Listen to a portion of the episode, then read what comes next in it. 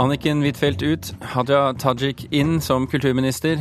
Uheldig med et statsrådsskifte nå, mener Høyres kulturpolitiske talsmann.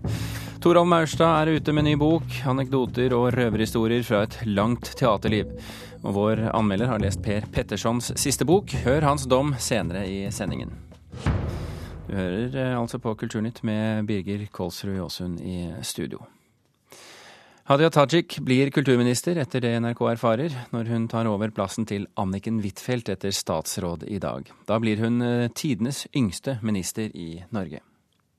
Foreldrene mine kom til Norge fra Pakistan for uh, mer enn 30 år siden. Jeg ble født i Bjørhinsbygd. Det er et uh, bitte lite sted med bare noen hundre innbyggere. Slik presenterer hun seg selv på nettstedet YouTube. Hadia Tajik, som etter hva NRK erfarer, i dag går inn i rollen som ny kulturminister i Norge. Tajik har bl.a. vært politisk rådgiver for Knut Storberget da han var justisminister. Hun har også vært rådgiver i Arbeids- og inkluderingsdepartementet og ved statsministerens kontor. Hun er i dag stortingsrepresentant for Arbeiderpartiet og sitter i kirke-, utdannings- og forskningskomiteen på Stortinget. Tajik, vær så god. Gode president. En av landets fremste matematikere han eh, heter Nils Henrik Abel. Og I løpet av eh, diskusjonen i dag så har eh, opptil flere politikere prøvd å etablere nærhet til Abel sin historie. Det trenger ikke jeg å gjøre, fordi Abel kommer fra Finnøy. Sjøl har jeg vokst opp i Bjørheimsbygd. Det betyr at vi praktisk talt var naboer, bortsett fra den lille detaljen om at han vokste opp på 1800-tallet. Tajik er 29 år gammel og kommer fra Bjørheimsbygd i Strand i Rogaland. Hun er utdannet jurist og journalist, og har i tillegg en master i menneskerettigheter. Som politiker har hun vært profilert i saker om integrering og likestilling, og mange forbinder henne nok med debatten om bruk av det religiøse hodeplagget hijab i politiet. Jeg hører at det er masse folk som er opptatt av hijab i politiet, men sjøl er jeg mest bekymra for eh, nisselua til politikerne våre. Ja, Til slutt hørte vi Tajik i TV-programmet Nytt på nytt i 2009. Reporter her, det var Ina Strøm. Kulturpolitisk talsmann i Høyre, Olemic Thommessen. Eh, er du overrasket over dette skiftet som skjer eh, trolig? Vi vet jo ikke helt formelt ennå, men eh, som, som altså vi tror skjer i formiddag. Ja, egentlig er jeg det. Fordi øh, jeg syns jo Anniken Huitfeldt øh, begynte å gå, gå seg til, for å si det sånn. Ehm, det har vært et problem, ikke i kulturpolitikken generelt, men særlig i mediepolitikken, eh, at regjeringen har ligget bakpå og levert ganske dårlig. Eh, nå står vi overfor store, viktige saker i mediepolitikken. Det er særlig avgiftsspørsmålene. Eh, det dreier seg om Senest i går var det årsmøte i Mediebedriftenes Landsforbund, hvor, hvor Anniken Huitfeldt møtte og holdt et innlegg som, av, som avsluttet med fullt av spørsmål. De spørsmålene hadde jeg nok kanskje håpet at Anniken Huitfeldt skulle få en mulighet til å, å, besvare. Men tror du ikke de Nå, klarer å, å, overføre politikken fra Huitfeldt jo, til Tajik? men det er bare at det begynner å haste veldig. Uh, vi har nå ventet på disse tingene i mange år. Uh, I mediebedriftene så er det en stor utålmodighet, og den er meget berettiget det å få klare signaler for hvor mediepolitikken går, og hva som er rammebetingelsene for aviser, TV, nettsteder, eh, altså nettaviser, er veldig viktig nå. Og det er klart at et statsrådsskifte Enhver ny statsråd, og jeg må si jeg ønsker eh, Hadia Tajik hjertelig velkommen, og har ingen grunn til å tro at ikke hun vil gjøre dette sikkert like bra som, som mange andre. Eh, men det er klart at man må lese seg opp. Du skal arbeide inn før du blir en politisk kraft. Eh, og hvis det er noe vi trenger nå, så er det en politisk kraft i disse spørsmålene. Også i forhold til opphavsrett. Det er også et annet område som kanskje ikke akkurat er noe sånt som publikum går og tenker på, men som er viktig i dette området. Det, vi, vi, kan ikke somle med liksom nok et år, og så kommer stortingsvalget. Vel, så er det noen som håper at det kanskje blir litt mer fres på det etter det. Men, eh, men jeg syns det er synd at, eh, at, vi nå ikke har den kontinuiteten som skal til for å få en god fremdrift i disse spørsmålene. Kulturkommentator her i NRK, Agnes Moxnes. Hvorfor tror du det blir et skifte i Kulturdepartementet nå? Eh, det er nok en eh, større rokering av regjeringen som handler om andre ting enn hvem som skal sitte i Kulturdepartementet, tror jeg. Men eh, det gir Arbeiderpartiet en anledning til å hente frem og gi Hadia Tajik en viktig jobb. Hun har vært satset på i veldig mange år. Arbeiderpartiet har stor tro på henne, og de gir henne denne sjansen nå med å sette henne inn i regjeringen. Budsjettet er jo nå ferdig etter alt å dømme. Hva får hun egentlig gjort på dette året?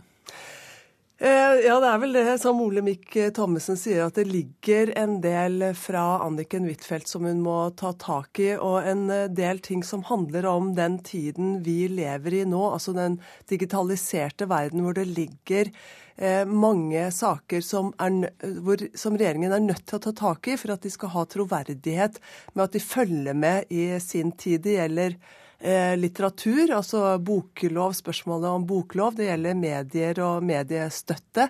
Eh, og eh, musikk og opphavsrett, som Ole Mikk Thommessen sier. Som er veldig interessante og kjempevanskelige spørsmål. Hvilke forventninger har du til Tajik Thommessen? Nei, Jeg har jo en forventning at hun tar tak i disse tingene. og jeg, jeg jeg håper hun virkelig setter arbeid inn i, og det har jeg all grunn til å tro at hun vil gjøre.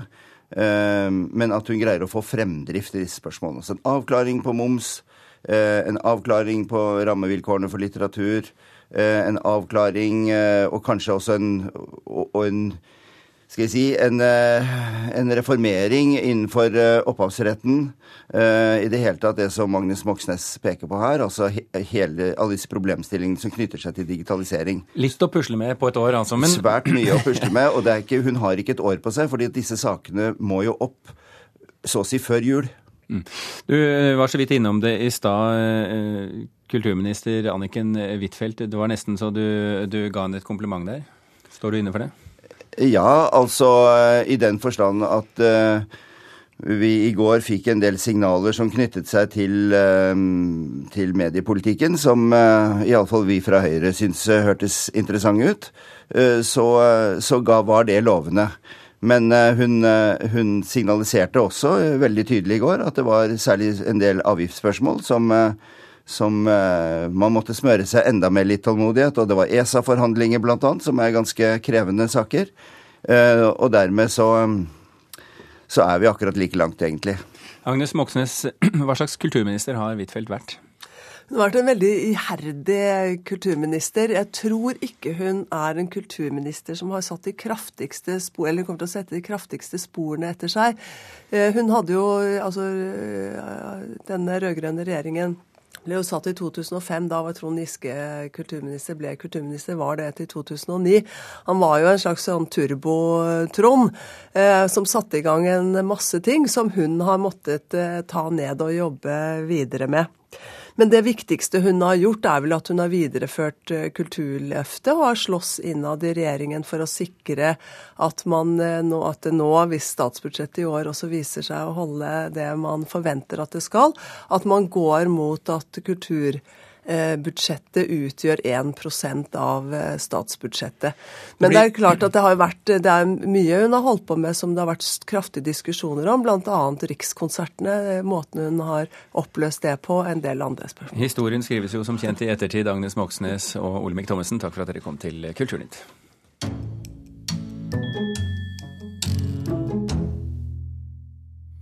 I dag ventes dommen i Norges største svindelsak med historiske dokumenter. Geir Ove Kvalheim står tiltalt for å ha solgt falske notater og brev av Henrik Ibsen og Knut Hamsun. En svært alvorlig sak og et skrekkens eksempel på at man aldri kan være sikker på om eldre dokumenter er ekte, sier advokat og samler Cato Schjøtz, som vitnet i saken. Ja, dette er veldig alvorlig. Her um, er det jo falske dokumenter overalt. Uh, både i Nasjonalbiblioteket og en rekke store norske private samlinger. Dette er veldig alvorlig. Det sier advokat og samler Cato Schjøtz om forfalskningene knyttet til to av våre største forfattere. Schjøtz vitnet for påtalemyndighetene Økokrim i rettssaken som dreier seg om salg og forsøk på salg av en rekke dokumenter som angivelig skulle være av Henrik Ibsen og Knut Hamsun.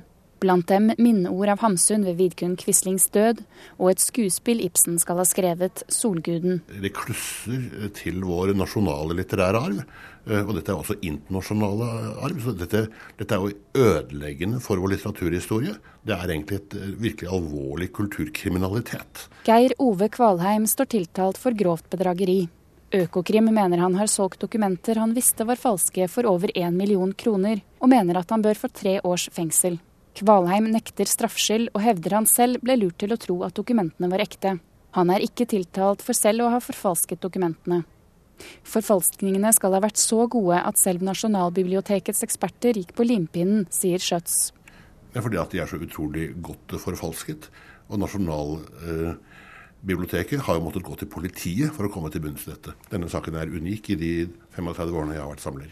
Rettssaken i Oslo tingrett var omfattende og varte i en og en halv måned i vår. Det har ikke lykkes NRK å komme i kontakt med den tiltalte. Hans advokat Thomas Berge sier at Kvalheim er spent på dommen, men ikke ønsker å uttale seg før han har lest den. Det er vel riktig å si at eh, han nå eh, ser frem til å få en avklaring fra tingretten. Det har gått flere år siden den første mistanken ble vekket. Berge sier saken har vært en belastning for hans klient. Ja, det, det har det vært. Det har vært tøft for han å ha en sak hengende over seg så lenge.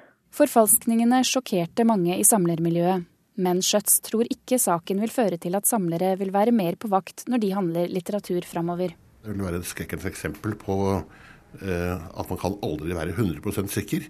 Men jeg tror altså ikke at den vil legge noen fremtidige føringer på omsetningen av, av um, norsk skjønnlitteratur i første utgave. Dertil er den for spesiell. Reporter i denne saken, det var Ida Kvittingen.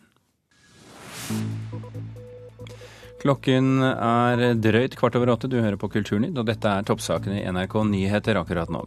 Statsminister Jens Stoltenberg bytter ut statsråder i dag. Støre blir ny helseminister. Hadia Tajik blir ny i regjeringen.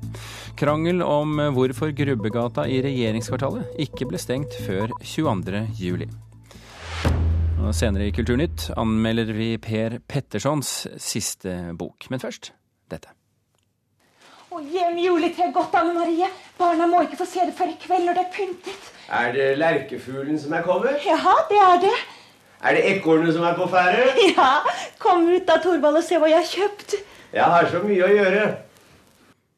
Kom ut, Torvald. Eh, Torvald. Det kunne jo nesten vært Kom ut, eh, Torvald. I dag kommer i hvert fall Toralv Maurstad ut med bok som har fått tittelen For et liv Historier jeg bare har fortalt mine venner. Historier først og fremst om teater, kunst, skuespillere og jobb, men også røverhistorier om jakt, fengselsdom, reise, brann, streik, kjærester, sex og en vræka Porsche på autobanen i Tyskland.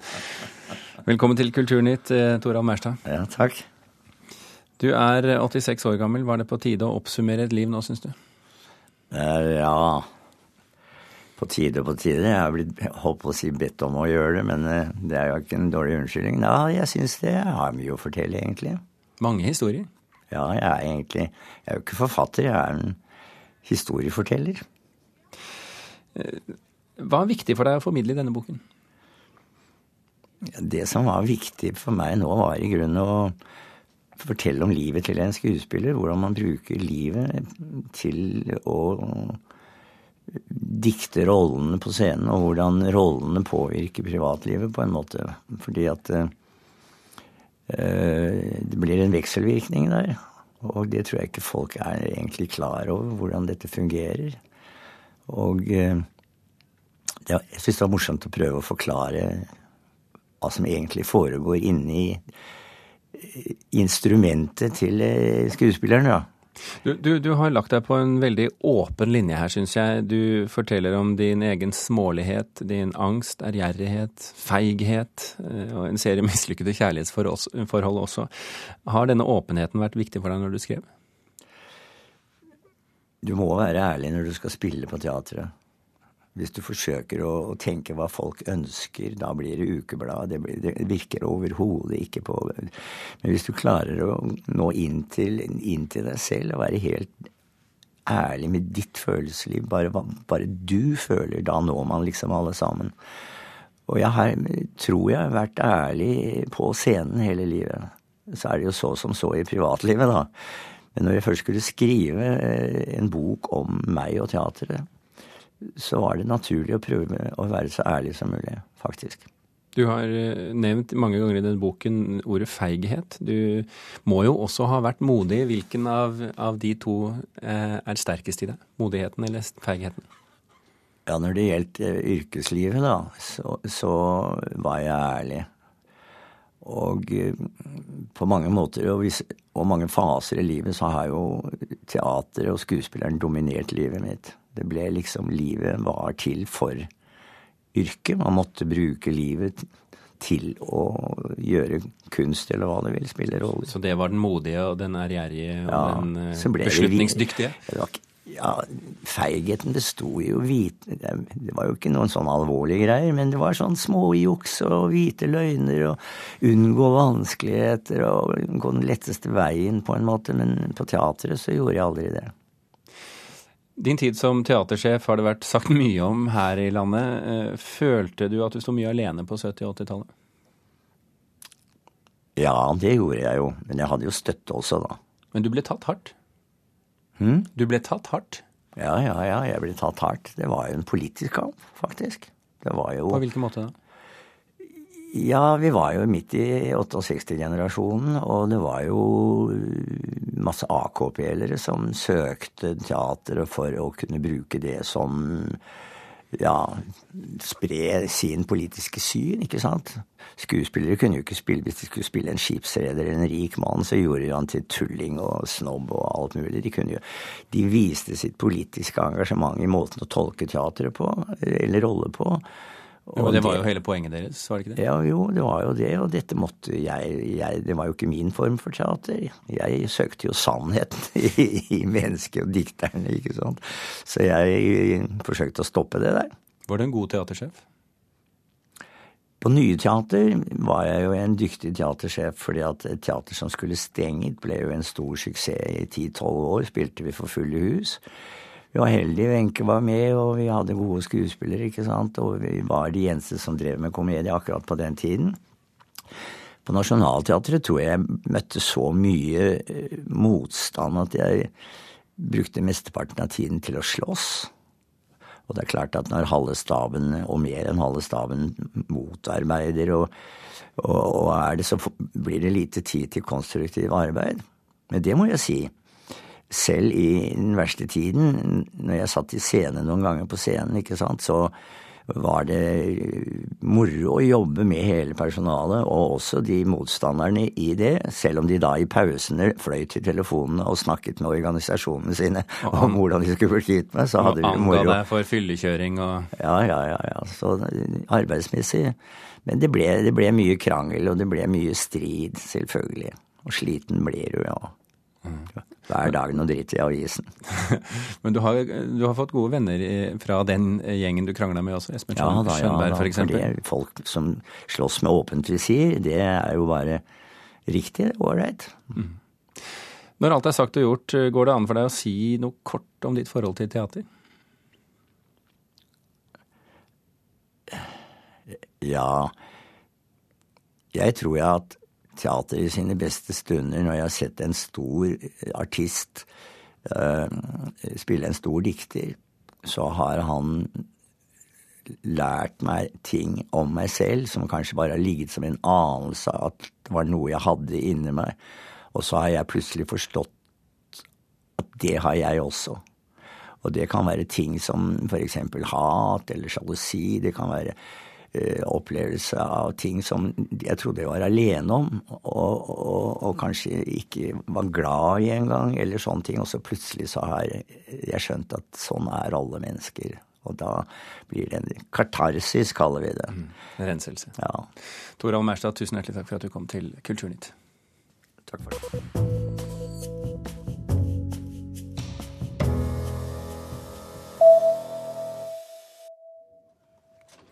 Radio Norge kan bli lagt ned neste år fordi de tyske eierne mener det er for dyrt med konsesjonen. For 2014 vil konsesjonen koste kanalen 12,5 millioner kroner. Dersom Radio Norge legges ned, vil radiokanalen P4 trolig bli den eneste riksdekkende kommersielle kanalen i Norge. Det skriver Dagens Næringsliv.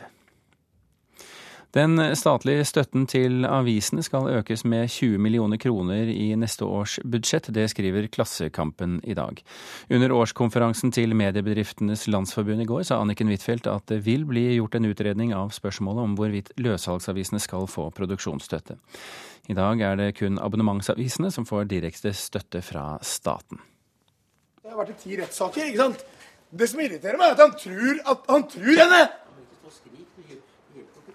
Jo, for jeg blir sinna for at aktor tror på henne! Og jeg stiller opp med to vitner! Så prøver de å, prøver å disse de er på meg. Fy faen. Jeg- Radiodokumentaren 'Fornuft og følelser' har vunnet kringkastingsprisen Pri Italia for beste europeiske radiodokumentar 2012. Dokumentaren er laget av Lasse Nederhod.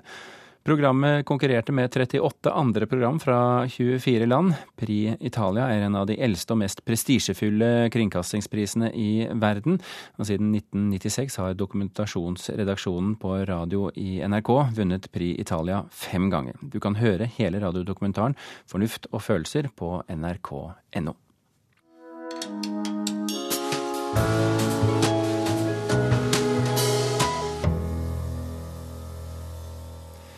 Romanen 'Ut og stjele hester' fra 2003 var Per Pettersons store gjennombrudd her hjemme, men også i utlandet, samtidig som den forsterket interessen for hele forfatterskapet. Nå foreligger en ny roman, 'Jeg nekter'. Forventningene er store, også for, fra vår anmelder Leif Ekle. Må man kategorisere, kan man si at Per Pettersons romanforfatterskap er delt i to. Der bøkene om og med Arvid Jansen hører til på den ene siden, på den andre har Ut og stjele hester nå fått selskap av Jeg nekter. Fraværet av Arvid Jansen i den nye boka har lite med saken å gjøre.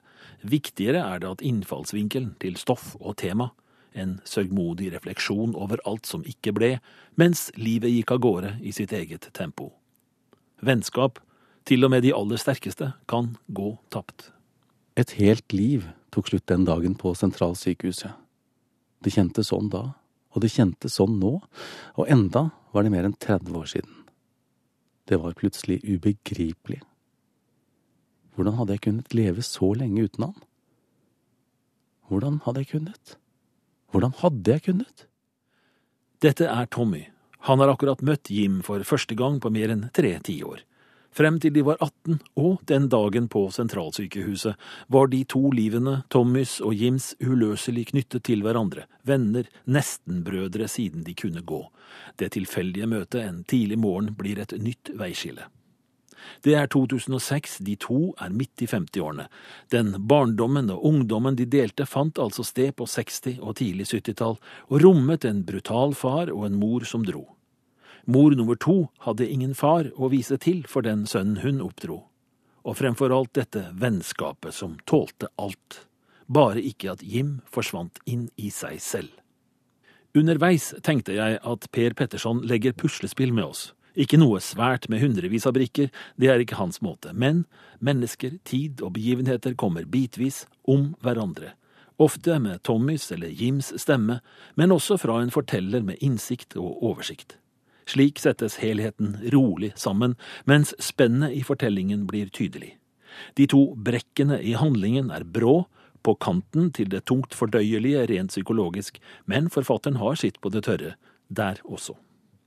Pettersons språk er like jordnært og renset for store fakter og jåleri som det alltid er. Ikke alltid etter boka, så å si, men rytmisk og en lesers glede. Denne evnen til formidling er da også en avgjørende forutsetning for at romanen kommer igjennom som hel ved. Det er lett å tenke seg romanfigurkandidater med større publikumsappell enn to menn midt i 50-årene, for hvem det meste av livet synes kjørt. Det sier mye om Per Petterson at han gjør den forestillingen til skamme og står der han er. At den siste brikken i puslespillet mangler, er et løft i seg selv. Ja, Det mente vår anmelder Leif Ekle, og den som leste fra Per Pettersons nye roman 'Jeg nekter', det var Arild Jonsjord. Kulturnytt er over for denne gang. I dag ble den levert av Vidar Sem, Hilde Tosterud og Birger Kolsrud Aasund her i studio.